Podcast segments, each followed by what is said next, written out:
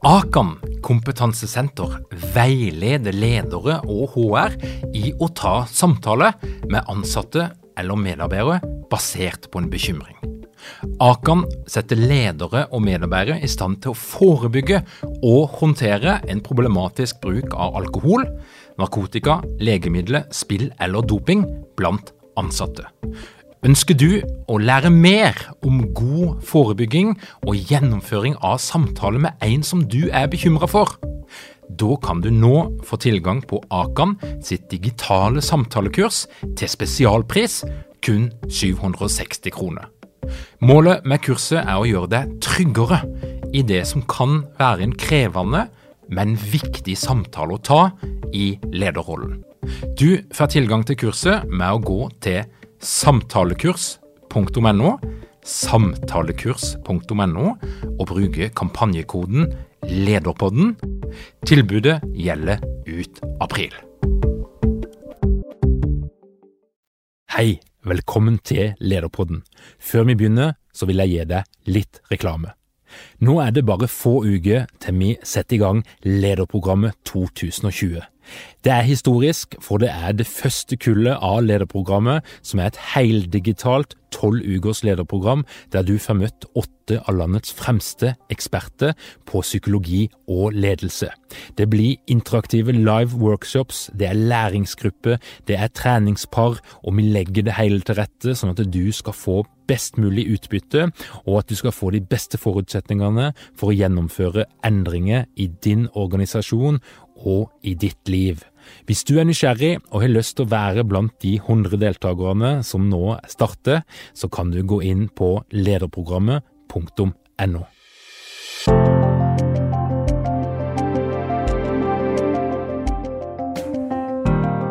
Velkommen til Lederpodden.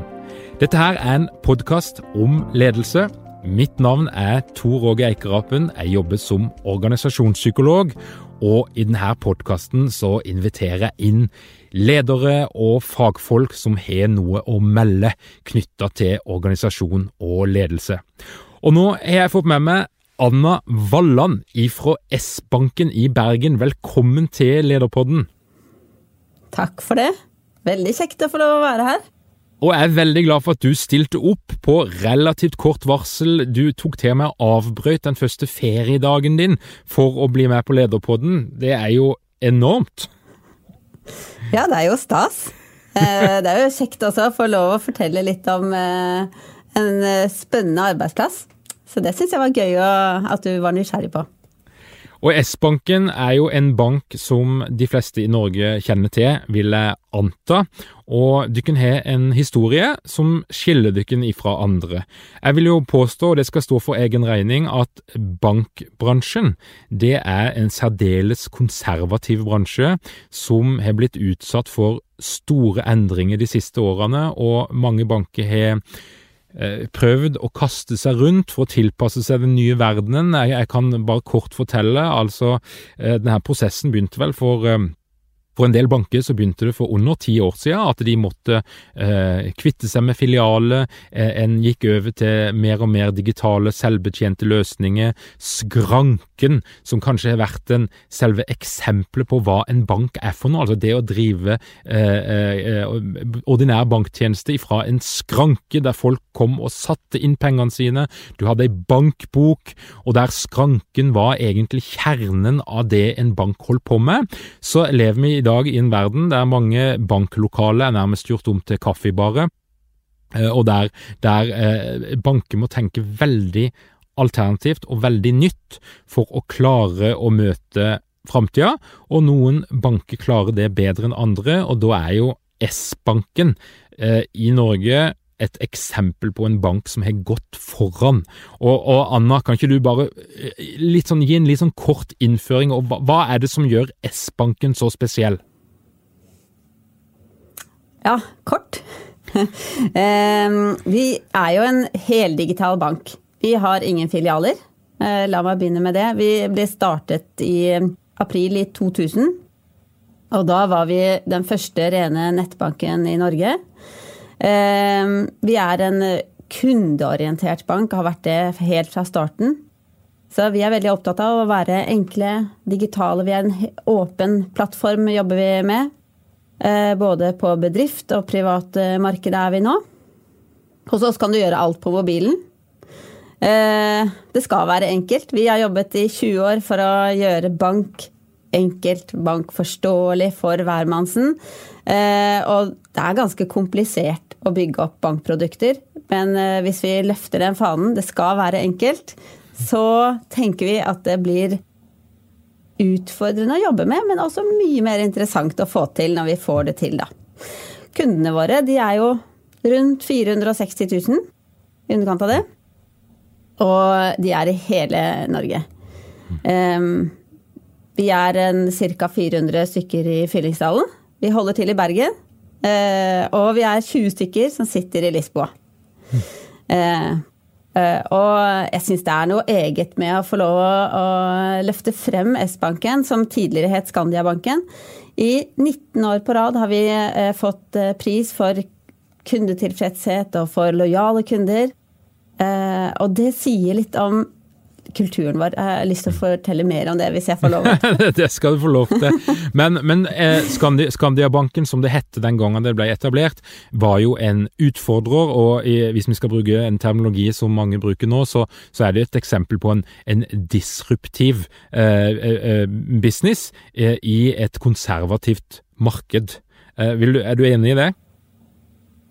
Ja, eh, absolutt. Den gangen vi startet, var det veldig Eh, disruptivt. Og, jeg tør jo påstå at nå når vi har eh, lansert bedriftsbank eh, på en helt ny måte, så er det like disruptivt nå som det var den gangen vi satte i gang. Mm. Og um, du kan jo godt, godt si litt, hva, hva er liksom skranka var jo en kjernevirksomhet før. Det var noe som, som var veldig, veldig sentralt. Eh, og, er det, og er det den gjengen som jobber i S-banken bruker mest energi og tid på? Ja, nå har jo ikke vi skranker. Eh, så eh, vi bruker mye tid på å komme nær våre kunder på andre måter. Mm. Og vi bruker mye energi på å utvikle våre produkter og tjenester sammen med kundene våre. Så vi mm. gjør alt vi gjør, vi lytter til kundenes input, enten det kommer til kundeservice eller det kommer på andre flater. Mm. Og vi inviterer kunder med i brukergrupper når vi utvikler uh, det vi kommer ut til kundene våre med. Og, og, hva slags folk er det? Altså, hvem er det som, som jobber i S-banken? Altså, Hvordan er fordelinga av ulike typer faggrupper? Og jeg regner jo med det er et stort spenn, men, men eh, hvordan ser det kartet ut? Mm. Ja, For det første er det veldig flinke og engasjerte folk. det er klart. en veldig fin gjeng. Eh, de som jobber hos oss, er jo det mange som jobber eh, med utvikling på teknisk side. Eh, jeg tror, vil, jeg tror, mange vil kjenne seg igjen hvis jeg sier at vi er jo en, eh, et nettsted som også er en bank. Mm. Så vi har veldig en sånn stor motor hos oss. Det er jo det å utvikle det tekniske hos oss. Så vi har mange teknikere eller utviklingsingeniører, om du vil kalle det det. Vi har testere. Vi har mange som jobber med produktsiden produktutvikling. Eh, og vi har automatisert veldig mange av våre prosesser opp gjennom årene. Eh, så vi jobber jo mye med det, men vi jobber jo også ved å ha manuelle Noen manuelle prosesser har vi. Så vi har flinke mm. folk som jobber med de manuelle prosessene våre også, og håndterer kunder i forskjellige flater. Mm. Og så har vi en kjempefin gjeng som snakker med kundene våre. På chat, på telefon, på e-post. Mm. Ja, og da er det jo eh, alltid, alltid sånn eh, Noe som mange kan kjenne på, det er jo eh, hvis vi skal da sette opp bank, bankpraksiser mot hverandre, det, så, så, er det jo den lokale banken der du stikker innom og du får svar på det du, du, skal ha svar på. Du har en kundekontakt som du kanskje har en personlig relasjon til, kontra det å gå inn i noen av S-bankens systemer. Og, og kjapt vil jeg få hjelp hvis jeg er kunde hos S-banken. Eh, du, med en gang mm, tenker jeg du vil få hjelp for det. Sannsynligvis så trenger du jo ikke å snakke med noen direkte. Eh, vi ønsker at det skal være så enkelt å bruke banken at du klarer alt sjøl, egentlig. Og så er vi selvfølgelig tilgjengelige for deg hvis du syns det er noen utfordringer du møter på. Eh, og da har vi et kjempeflott lag i vår kundeservice som skal hjelpe deg eh, med første spørsmål du har, så skal vi ha mulighet til å hjelpe deg hele veien hjem. Um, ja. Det er, godt, det er, et godt svar. Så med andre ord så skal det være tilgjengelig. Altså Tilgjengeligheten er, er minst like god som om du hadde hatt en fysisk bank som der du, der du hadde en personlig relasjon. Um. Jeg kan kanskje utdype det litt. Eh, for det er klart, eh, vi er jo en bank som kanskje tilbyr det motsatte av en, en skrankebank. Mm. Vi klarer nok mye bedre å lage motorveier, altså store Eh, store veier av måter å håndtere kundene våre på enn de der eh, det, det, mange småbanker kan klare, som er å mm. tilpasse til den enkelte kunde eh, akkurat sånn som du trenger et spesielt produkt. Og det gjør ikke vi. Og der, sånn sett, så utfyller vi skrankebankene. Vi, vi konkurrerer ikke så mye med de som med helt andre aktører. Mm. Og for å ta liksom det, den kunde, kundesida av det, um, og det som gjorde meg, meg nysgjerrig på, på S-banken, det er jo at jeg har fått hørt gjennom litt sånn ymse kanaler og andre podkaster, så har S-banken blitt trukket fram som et eksempel på en virksomhet som organiserer seg eller eksperimenterer med organisering. Um, og, og, da er det flere begreper som er blitt dukka opp, og det er ikke sikkert du kjenner igjen i alle, men, men ett begrep er, er TIL-organisering, det er ett ord. Og, og, et annet ord som er blitt brukt, det er autonome team. Og da lurer jeg på om, om Kan du forklare meg, er det noen sånn helhetlig strategi, eller er det forankra i noe større, altså det med å eksperimentere, ikke bare med nye produkter, men med måten en organiserer seg på, måten en jobber på i det daglige? Ja, det var et stort spørsmål. Eh, jeg tenker eh, utgangspunktet hos oss, eh, vi vil nok kjenne igjen mange hos oss begrepet autonome team. Og Min, min rolle i, i, det her er jo eh, veldig å være på baksiden. Og, og, mange møter andre. De møter lederne sine, de møter, møter den agile coachen når vi snakker om dette i banken. Eh, men fra et HR-perspektiv så tenker jeg det er veldig viktig eh, å skape og være med og bidra til å skape en organisasjon hvor alle skal kunne glede seg til å gå på jobb. Eh, hvor eh, alle kjenner at bidraget ditt, det betyr mye. Eh, vi sier at det skal eh, hos oss være et veldig trygt miljø. Man kan kunne være åpen og ærlig. Eh, det skal være rom for å, å ha ulike tanker om hvordan man kan løse utfordringer man står i. Og det å skape en attraktiv, høyt presterende organisasjon for kompetente kunnskapsmedarbeidere, der de trives over lang, lang tid, mm. det er på en måte en grunnstein hos oss. Og jeg tror jeg må, jeg må få lov å begynne der.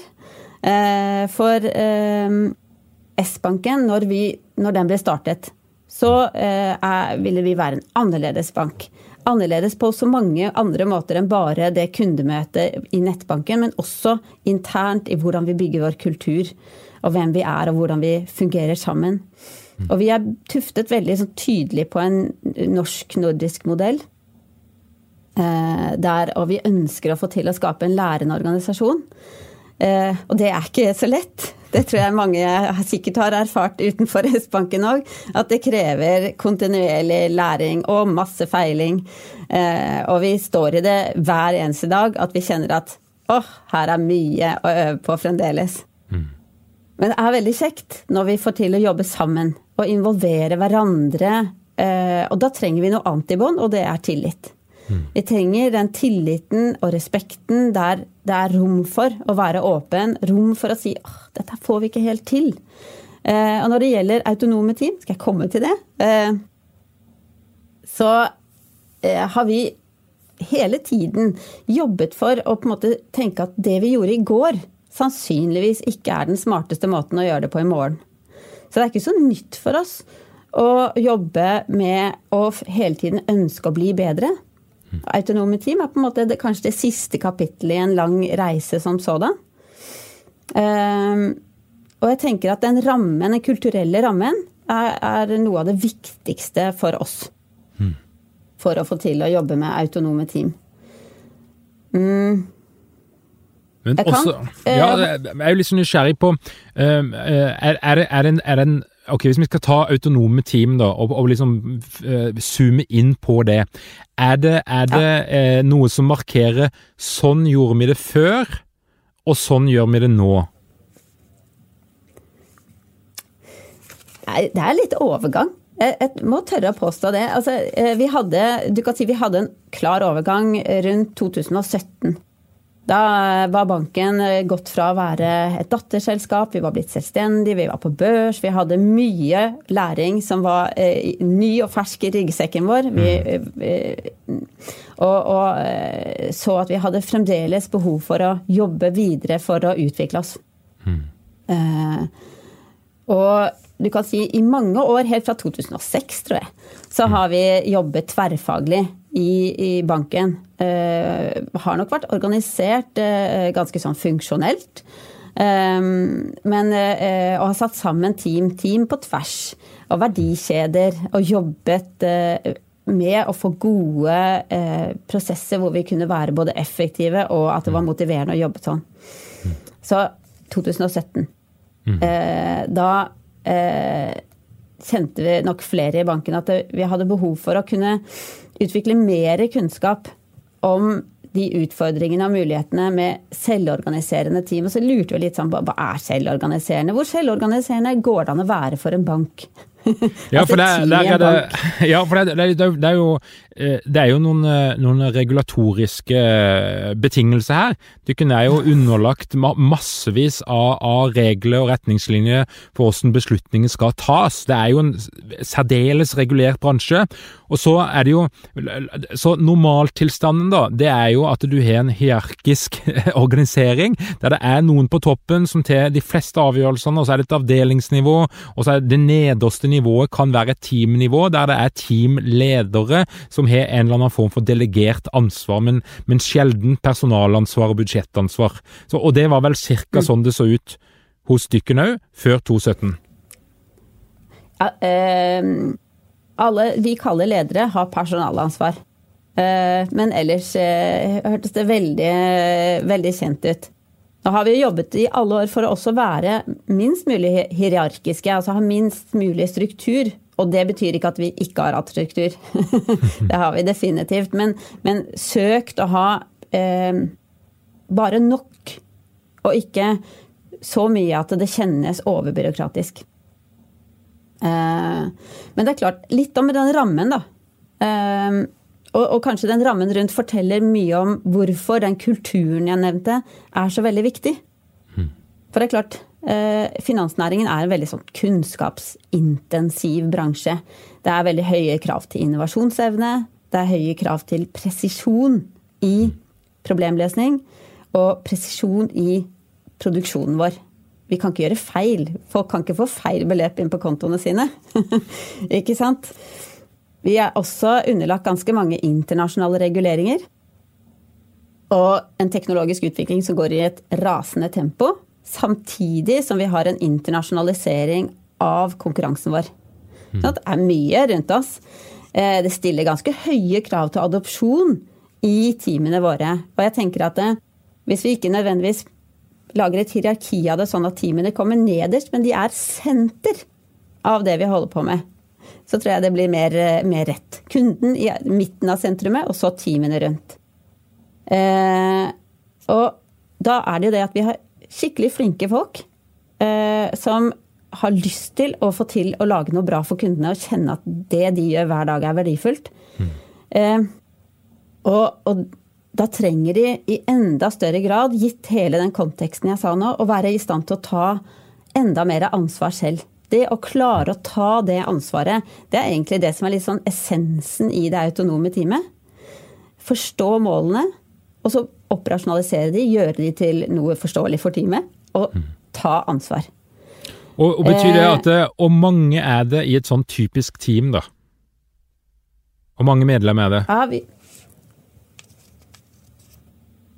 Vi har, hvis du tenker at det er et autonomt team, består av utviklere, testere, det er produktansvarlige, det er UX, og så har vi noen på utsiden som, eh, som er teamlederen, eh, som er en coach, eh, som er ja, salgsansvarlig, også en, en, del av den ut, nærmeste utsiden. Mm. Um, og disse her er Ja, kan de være en Det er litt ulikt, ser du. Det er ikke ett svar på det. Nei. Noen er mange, noen kan være ja, Men si at de er en sånn seks-syv stykker, da. Mm. Cirka. Den ideelle størrelsen eh. på et effektivt team? Ja, men det er ikke sånn at alle teamene er den størrelsen. Men ja. Men, men eh, jeg, stå, eh. stå, jeg, skal stoppe deg litt til, for det du sier er at det, det er eh, egentlig i selve teamet så er det ingen som har funksjonen av teamleder, men du snakker om en teamcoach, som da er en person som er utenfor teamet. Stemmer det? Og som kommer inn, ja. eller? Den agile coachen er jo en ganske ny funksjon hos oss. Eh, som vi, vi, har nettopp begynt å prøve å få til å, å fungere. Så, så, vi har ikke sånn kjempemye erfaring med den, men jeg tror eh, det kan være en veldig viktig, viktig funksjon.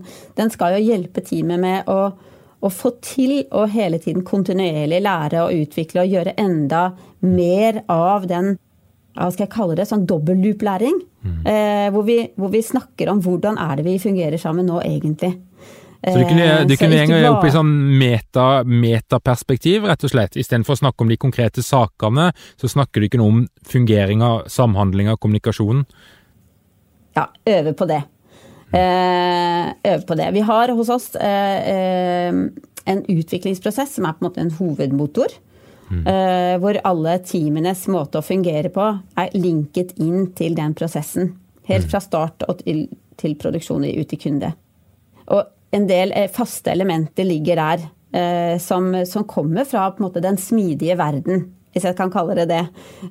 Så vi, vi har alle teamene hos oss, og det gjelder ikke bare utviklingsteamene, faktisk, men vi har daglige standups.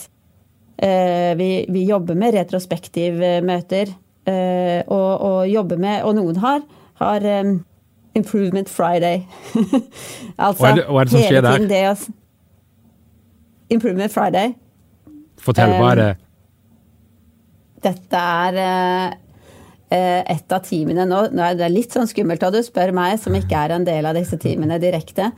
Men uh, det er altså en mulighet teamet har Eh, på en fredag, da. Eh, og jobbe med noe som de tenker kan være, og hvert, hvert enkelt teammedlem eh, jobbe med noe som de tenker kan gjøres bedre, kan gjøres annerledes. Og helst ikke jobbe med det de sitter og jobber med fra før av, men eh, bare litt friere tanker, rett og slett. Dette syns jeg vi bør kunne gjøre noe med, og så kunne ha rom for å gjøre noe med det. Mm. Så dette her var faktisk noe som begynte på sikkerhetsteamet vårt. Mm. Ja. Så den improvement, improvement, Friday, det er en, en, greie som du er med på å skape kultur. Du snakker om standup-meetings som kanskje er 15 minutter eller noe sånt, eh, daglig. Ja. ja. ja. Og så er det selve og teamet Og det må jeg si spesielt nå i koronatiden har det vært viktig for alle teamene i hele banken. Mm. Så daglige møter for å få oversikt, for å følge hverandre, for å ha transparens, for å se de store sammenhengene. Ehm, og så er jo det sånn at den utviklingsprosessen vår er jo eh, gjennomarbeidet sammen med alle som jobber i disse teamene. Mm. Eh, og hvordan skal, det, hvordan skal man sette i gang et nytt arbeid? Hvordan skal man ta de første stegene? Hvordan skal man ta de neste stegene? Hvem skal mm. egentlig ta med seg hvilken informasjon inn og ut av mm. møter hvor man jobber sammen med å finne ut av hvor er vi nå, hva er det som er viktig, hvordan skal vi organisere de neste stegene. Mm. Eh, og her er også coach-rollen veldig viktig, må jeg si, i å få oss til å få til å jobbe eh, som eh, ja, godt gode team. Og også det med å få teamene til å jobbe bra på tvers. Her er jo en viktig funksjon. Mm. Men det som en del eh, oppgir som en utfordring i mange organisasjoner, det er at mennesker, eh, ansatte, blir plukket lokka til å være med i for mange team, sånn at det er, det er litt lite kontinuitet og det blir litt sprik, og en konkurrerer litt om de samme ressursene i ulike team. Er det, er det, hvordan funker, funker det i S-banken? Er, er, er, kan du, en flink person være på mange team samtidig, eller er en dedikert, eller? Ja, det er jo velkjent. Eh, vi har, eh, vi har smørt eh, mange ressurser tynt over, vi òg. Det må jeg si, det kjennes jo igjen. Men sånn som vi gjør det nå, så er teamene Altså teammedlemmene er faste knyttet mm. til og Nå er det produktet eller det utviklerne ville kjent mer igjen som domeneteam, da. Og da er de fast knyttet til det. De har sitt produkt de hører til, f.eks. låneteamet har faste medlemmer. Og så er det noen som deltar i andre team også. F.eks. UX-ressursene våre. De gjør det. Og så har vi produktansvarlig-ressursen. Den er også eh, eh,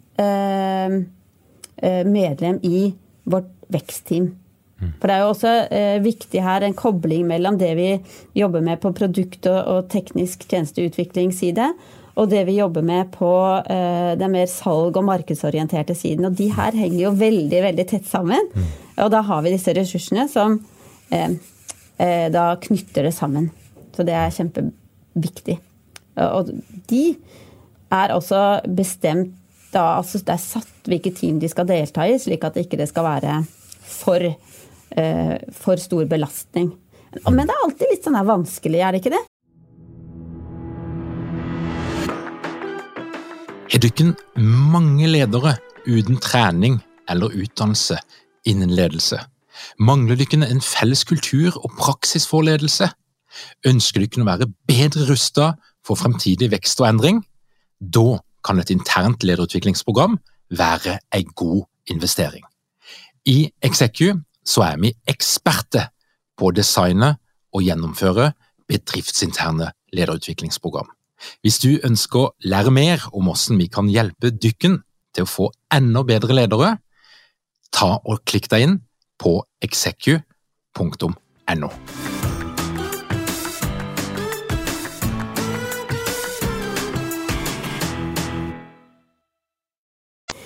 Eh, og ikke belaste for mye de flinke ressursene. Mm. Men åssen eh, blir, eh, blir, beslutninger tatt? Hvem til beslutninger og, og, og, og, store beslutninger kan et team få lov til å ta før det må hentes noe ekstern eh, beslutningskompetanse? Eller autoritet? Ja, det er et godt spørsmål. Det, og det er jo veldig det har vært hos oss en ganske stor bevegelse over tid. Eh, vi har eh, Når du spurte meg om jeg ville stille opp på det her, så, eh, så var det en av de tingene jeg sa at det, det er jo ikke sånn at alt hos oss har gått kjempesmooth, og vi får til autonome team som en sånn klokke. Det, det, vi har møtt våre utfordringer, og her er en av de. Mm. kanskje mest av alt knyttet til forventning. Eh, for, for når eh, vi etablerer et autonomt team, så er det jo sånn at det, noen hvis man ser det i idealverden, så kanskje de skal være helt selvorganiserte og ta alle beslutninger selv. Store og små. Eh, og gitt disse rammene som jeg snakket om i sted, så er det klart at hos oss så er det begrenset hvor store beslutninger man kan ta i det enkelte teamet. Eh, og vi har jobbet en god del med det. Alle, er det viktig at alle kan ta like store beslutninger på egen hånd? Hva kan man egentlig ta? Og, og det er klart, eh, i hvilken grad eh, av tillit er ledelsen, toppledelsen vår, i stand til å gi? Og i hvilken grad er teamene i stand til å ta det ansvaret den tilliten gir, i så fall? Og det har vi jobbet masse med. Og vi har ikke hele tiden vært på det samme eh, toget, for å si det sånn. Eh, hvor noen hos oss har blitt veldig engasjerte, og heldigvis for det, satt i gang. Nå skal vi ha autonome team. Og andre har ikke helt De har stått litt igjen på perrongen og, og tenkt sånn Ja, kan vi egentlig gi så mye ansvar ut? Det var litt eh, inngangsport til det, for akkurat her og nå så er det jo sånn at vi Vi var så heldige. Vi fikk tilbake vår gründer i fjor. Eh, som daglig leder. Og, og, han har satt i gang eh, mye hos oss, og bl.a. sett på sånn, hva er det som er bra med den måten vi jobber med disse teamene på. Hva kan vi bevare som er viktig, og hva er det som ikke fungerer så bra. Eh, og noe av det her er jo nettopp den graden av myndighet vi gir ut, versus eh, graden av resultat vi får tilbake. Eh, det har ikke fungert sånn kjempebra hos oss, det tror jeg mange vil kjenne igjen som jobber på innsiden. Eh, og vi har nå en måte å gjøre på som, som setter tydeligere rammer for teamene. Det er ty tydeligere hvilket ansvar hvilket team har. Tydeligere hvor hvilken beslutningsmyndighet ligger. Og dermed så blir det, tenker jeg det etter hvert, og dette er litt sånn etter hvert, for vi er jo midt i en innføring av dette nå. Men jeg ser for meg at vi etter hvert vil kunne klare å ta eh, ansvaret i enda sterkere grad ut i teamene. Eh, for det er absolutt en villighet til å på en måte gi det. Eh, men helt konkret så er det har vi et beslutningsforum som hvert enkelt team løfter opp sine roadmaps. Dette har vi tenkt å gjøre de neste tre månedene. Og da er de koordinert selvfølgelig mot de andre teamene, slik at det ikke krasjer. Eh, og så løftes det opp til et prioriteringsforum i dag hver tredje måned. Og der eh, sitter ledelsen, ledergruppen. Eh, og det målet de har, det er å ikke skulle gjøre endringer på det som kommer opp. Men de har myndigheten til det. Mm. Så det er en sånn der, det er litt sånn akseptforum, egentlig. Det er liksom bare sånn putte stempelet på, yes, dette ser greit ut, og vi, du, screener egentlig teamenes planer for de verste feilene. Ja, eh, jeg vil ikke egentlig si at teamene gjør noen feil. Men eh, det ledergruppen kanskje har muligheten til, som ikke er så lett for de andre teamene, det er jo også å se hva er det som påvirker oss som helhet nå i markedet? Hva er det som påvirker oss som kanskje eh, de får informasjon om, men ingen andre helt får til seg? Så det er mm. unaturlig at andre forstår. Mm. Eh, så kanskje det kan være greit å samle beslutningen til et sånn helhetlig forum. Mm. Nettopp for å kunne ta innover det. Og da slipper vi også en del av disse her problematikkene knyttet til at eh, ressurser brukes veldig mye om igjen, nærmest. Eh, fordi man ikke spisser fokus på det som er viktig her og nå. Så gjennom det fokuset eh, som vi har i, i det forumet nå, så får vi spisset fokus til hele organisasjonen. Hva er det som er viktig for oss akkurat nå? Og, og foreløpig Vi har eh, kun hatt den Skal vi se her, nå har de eh, ikke hatt mange møter. Det er snakk om to-tre stykker. så det er veldig nytt for oss. Eh, men det ser ut til at dette er en veldig positiv dreining for oss. Mm. Eh, som gir ro, og, og, som jeg sa i sted, dette med at teamet kan ta inn over seg Men hvorfor fins vi?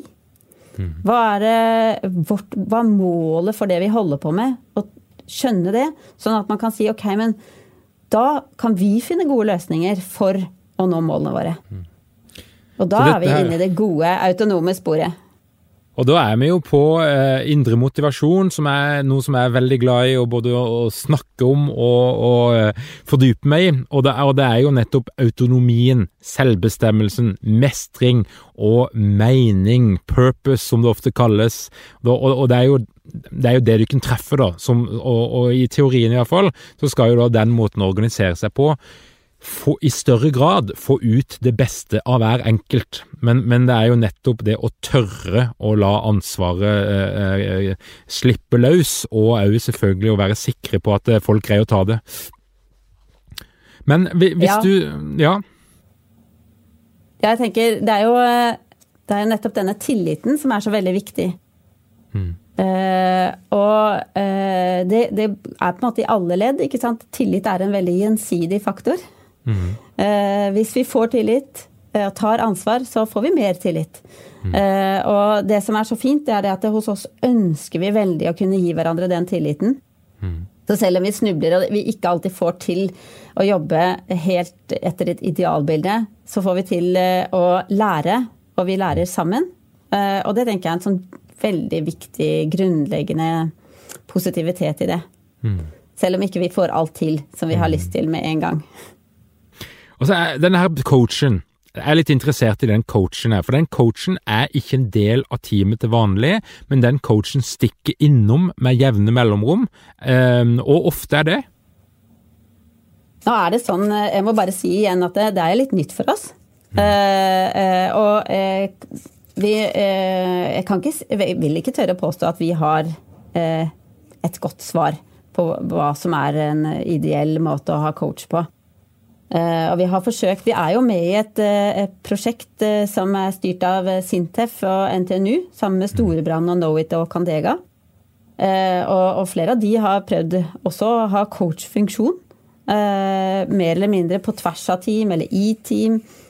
hos oss så har vi coachfunksjon som da er på tvers av team foreløpig.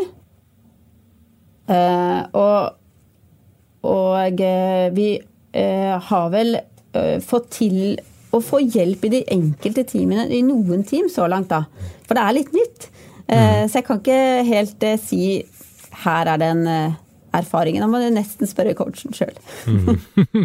Men er de, er, har de noen spesielle kvalifikasjoner, de coachene? Altså, har de en, i Tidligere i Lederpodden så vi snakka om litt om hva coaching er for noe, og at det er et begrep som brukes litt forskjellig. Og, men er, er det noen metodikk eller er det, er det en, mer en veileder, en mentor, eller?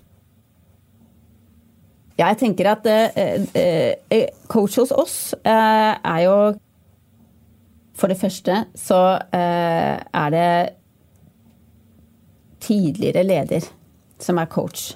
Altså, ja. Og det tror jeg for oss henger det sammen med at det å ha autonome team, det, det krever også en utvikling av hva er ledelse, hva slags lederskap er det man utøver. Og det er på en måte en mer delt ledelse nå enn det det var tidligere. Eh, slik at det, tidligere kanskje du hadde en leder som, som både satt målene og forklarte til teamet hva de skulle gjøre, og fulgte opp at alle gjorde det de skulle gjøre hver dag. Det gjør jo ikke en leder av et autonomt team. Eh, og eh, Eller nå kanskje jeg vil kalle det tverrfaglige team i stedet for, men uansett. Våre ledere vil jo heller støtte, sette rammer, være med på å vise målbildet og skape eierskap til det. Og så er det jo teamet selv som skal ta tak i seg sjøl. Og hvordan er det vi får løst dette her på best mulig måte? Og hvordan skal vår roadmap se ut? Og da kommer jo coachen inn med teknikker og med den gode ledererfaringen som eh, de har fra før av.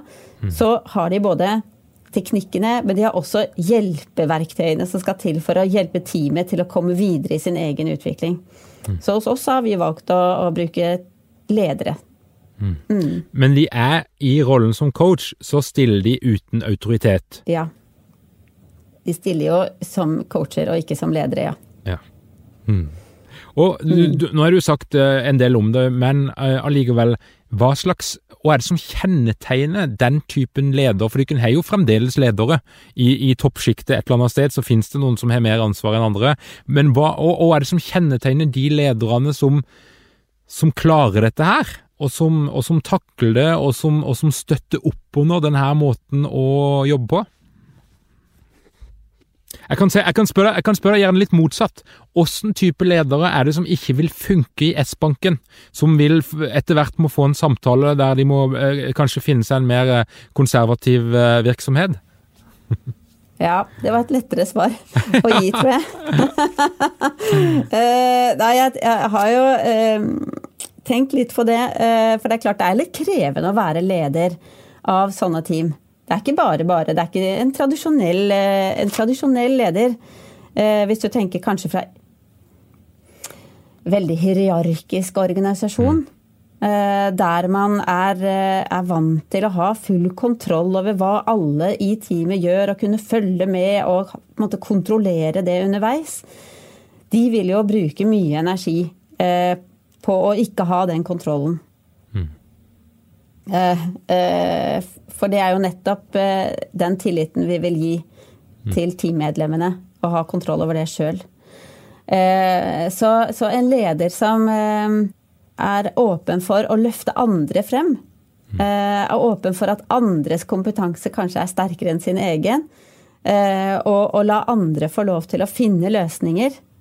Og kanskje bare med å gi et lite puff og et dytt og, og fungere mer som en coach. Og stille mer spørsmål til hvordan kan vi gjøre, og hva, hva tenker du hvis du hadde gjort i denne situasjonen? Altså, ja, være litt mer den inngangen. Eh, og det tenker jeg gjelder i alle nivå. Eh, da, da, trives de godt hos oss. Eh, men det er klart, er, vil man ha mye kontroll, eh, så, så kan det være krevende. Så Da hører jeg noe om at en altså, relasjonsorientert, trygg leder som tør å stole på andre, tør å la andre gjøre feil. Og så hadde vi tidligere her en episode om narsissistiske ledere. Det høres ut som det er et dårlig sted å være hvis du har den type trekk. Ja. Det er jo Ja, det tror jeg ikke er den type ledere som vokser mye hos oss. Eh, det å skape laget, å la laget prestere og løfte frem laget foran seg sjøl, det er jo en egenskap som eh, nok er lettere å verdsette i vår organisasjon enn eh, det å løfte frem den enkelte stjernen alene. Jeg blir veldig nysgjerrig på mange ting. Jeg blir jo annet nysgjerrig på rekruttering og rekruttering av ledere. For jeg vil jo tippe at du kunne av og til ha bomma. Jeg vil tippe at du kunne hatt noen ledere som ikke er klart å funke på denne måten. Og at det òg skal du ikke ha en sånn kultur, da, så, så er det jo en del som um, mener at det, det, krever en del korrigering av atferd. Altså, skal du ikke greie å opprettholde og kultivere den kulturen du kunne ønske, så betyr det òg at en må gi en del tilbakemeldinger når folk bryter normen for åssen det skal være her. Ja, altså Jeg tenker eh sånn som det skal være, eller sånn som vi sammen finner ut at det skal være. Mm. For det er jo klart, en kultur det er noe som er i stadig utvikling. Eh, og det har vi kjent masse på. Vi, de siste årene så har vi kanskje Ja, hvis jeg sier at vi har doblet oss, så er det kanskje en liten overdrivelse. Men vi har vokst veldig kraftig eh, på bare noen veldig få år. Og da har vi selvfølgelig kjent på at eh, det å ha en en kultur som var veldig sterk og kanskje litt sånn fast, eh, kunne være litt krevende å komme inn i for mange. Og det er jo heller ikke ønskelig. Vi ønsker jo at de som kommer inn, er med og bidrar og positivt preger den nye kulturen, er, sånn at vi sammen lener oss fremover inn i fremtiden. At ikke vi holder fast på å være for bakoverstevs, nærmest. Eh, så, så, det er noe vi faktisk eh, jobber med, og skal jobbe mye mer med, med nå fremover. Det er eh, hva slags kultur skal vi ha nå? Hvem er det vi egentlig har lyst til å være fremover? Hva er det som kreves når vi faktisk skal ikke bare være med i det kappløpet som er å drive bank, men vi har jo definitivt lyst til å vinne det kappløpet. Og da kreves det masse. Eh, og da kanskje det krever noe annet i morgen enn det som har vært krevd frem til nå. Og Du beskriver jo at kunne er i en prosess, du har ikke funnet alle svarene, du eksperimenterer, eksperimentere, og det i seg selv tenker jeg jo er et kjennetegn på en, på en kultur som, som, er i bevegelse, og som, og som greier å tilpasse seg en, en, verden som endrer seg veldig fort. Eh, men eh, hvis vi, hvis vi skal prøve å oppsummere litt, og hvis du skal prøve å sette ord på de to eller tre tydeligste gevinstene av det å eh, organisere seg på denne måten som dere gjør, kontra en mer tradisjonell organisering. Hva er det dere får ut av det, da? Hvis, altså, nå skjønner jeg at det er ikke alt som funker optimalt, og det er mange ting som skal testes ut, og, og, og and so on, men det du ser nå, potensialet iallfall, mm. Ja, altså Vi eh, har lyst til å eh, få til å jobbe enda mer strukturert med læring og eksperimentering. Og kontinuerlig forbedre prestasjonene våre. Det er sånn, har vi veldig lyst til å få til. Eh, og det her har gitt oss veldig mye læring. Vi har fått til overflaten ting som vi, uh, vi, ser hva som vi må ta tak i. det har virkelig fått ting til overflaten, og det er jo kjempebra. Det å være i samme virkelighetsoppfatning samtidig. Det har vi lært at er ekstremt viktig i alle ledd. Det å se hva som er målet vårt sammen. Og når vi ikke klarer det, så har vi kjent litt på konsekvensen av det, og kjent hvor viktig det er. Å ha klare mål, skjønne de sammen, forstå hvorfor de er viktige, og hvordan vi skal jobbe for å nå de sammen.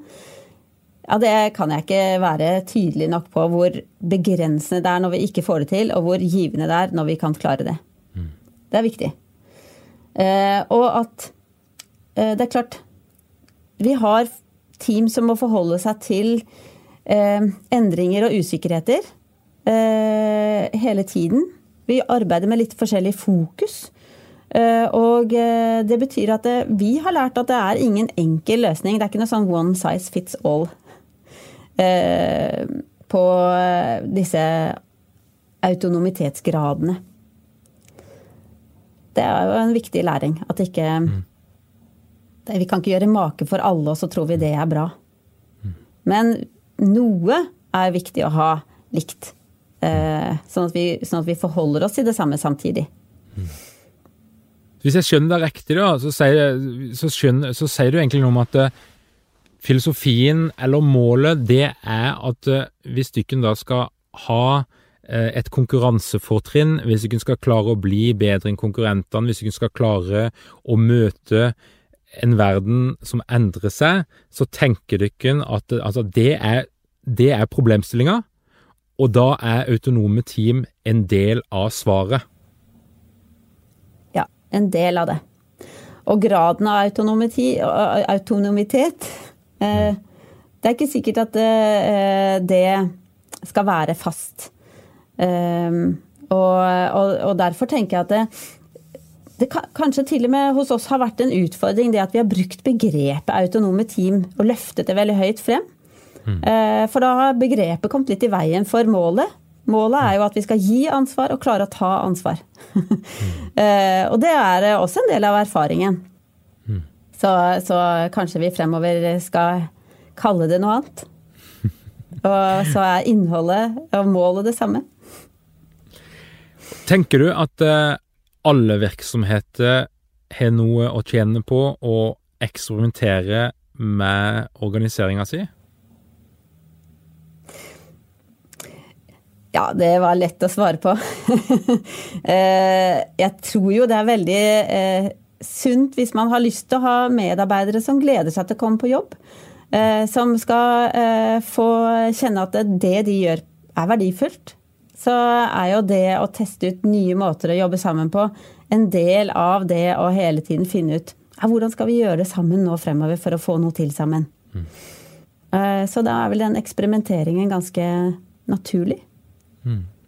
Anna, for de som sitter og hører på nå, som, som har jobba på relativt lik måte i lang tid og, og holder seg fast i sine strukturer, men så opplever de kanskje at korona Koronakrisa og andre endringer i samfunnet gjør at de må tenke nytt for å overleve eller få beholde den posisjonen de har, eller få en enda sterkere posisjon. Men og kan en, henne bør en begynne, hvis du bare kan ta liksom et, et lite skritt da, for en virksomhet, for en HR-avdeling eller for en ledelse som ønsker å liksom skru eh, på graden av eksperimentering et lite hakk. Og er det, i hvilken ende er det lurt å begynne? Mm. Ja, jeg Jeg tror jeg ville begynt med å bli enige om hva ansvaret er. Hva er vårt ansvar? Hva forventes av oss, av de rundt oss? Og så kunne vi ha tatt neste steg, som er å snakke om hvordan eh, skal vi ønsker vi å jobbe sammen? Hvordan ønsker vi å lære av hverandre hver uke? Hver dag? Eh, og stille det spørsmålet om morgenen. Men hva, hva skjer i dette teamet i dag? Eh, stille neste spørsmål neste morgen. Hva fikk vi til? Sto vi fast i noe? Eh, kunne vi hjelpe hverandre? Kan vi hjelpe hverandre? Og så gjøre det til en fast øvelse.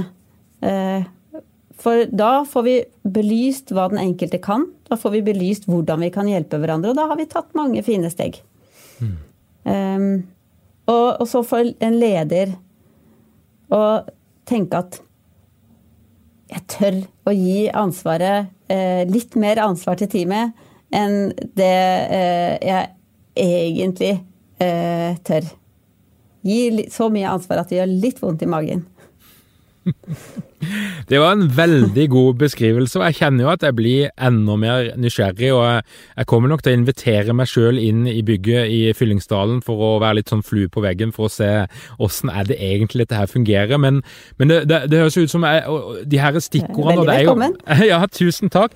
Det er, jo, det er jo veldig i tråd med det en tenker i moderne ledelsesteori, altså vi snakker om indre motivasjon, du snakker egentlig om psykologisk trygghet og, og tillit. Ja. Eh, eh, og, og, og, det er jo veldig gøy å se at noen jobber systematisk med det. Dere er jo òg med på et forskningsprosjekt, som du nevnte. Det betyr jo at det vil bli dokumentert både åssen du kan jobbe og hvilket resultat det gir. Og til de av dere som nå lytter på, så kommer jeg til å legge ut en liten link til noen foreløpige, eh, foreløpige konklusjoner som Sintef har gjort, eh, sånn at dere kan gå inn og kikke litt. Og det er jo eh, Ja, de, de, de, konkluderer jo med at det er, noe, det er en bestemte forutsetninger som skal til for at dette skal funke. Ja. Mm. Det blir veldig spennende. Eh, det er jo et femårig prosjekt. Eh, så det er fremdeles mye læring. Vi har nettopp gjort en undersøkelse på alle oss fire som er med som bedrifter, eh, for å se hvor vi står så langt. Eh, så den undersøkelsen får vi ikke resultat på før til høsten, men det blir veldig spennende hva vi skal gripe fatt i. Jeg gleder meg til å se resultatet og fordype meg enda mer i dette her temaet. Tusen takk, Anna Walland, for at du ble med i Lederpodden. Tusen takk for at jeg fikk eh, lov til å være med. Du har nå hørt på Lederpodden. Lederpodden presenteres av Lederprogrammet, et tolv ukers digitalt lederprogram som starter i august. Det er kun plass til 100 deltakere. Programmet er i ferd med å fylles opp. Hvis du er nysgjerrig, ta en kikk på lederprogrammet.no.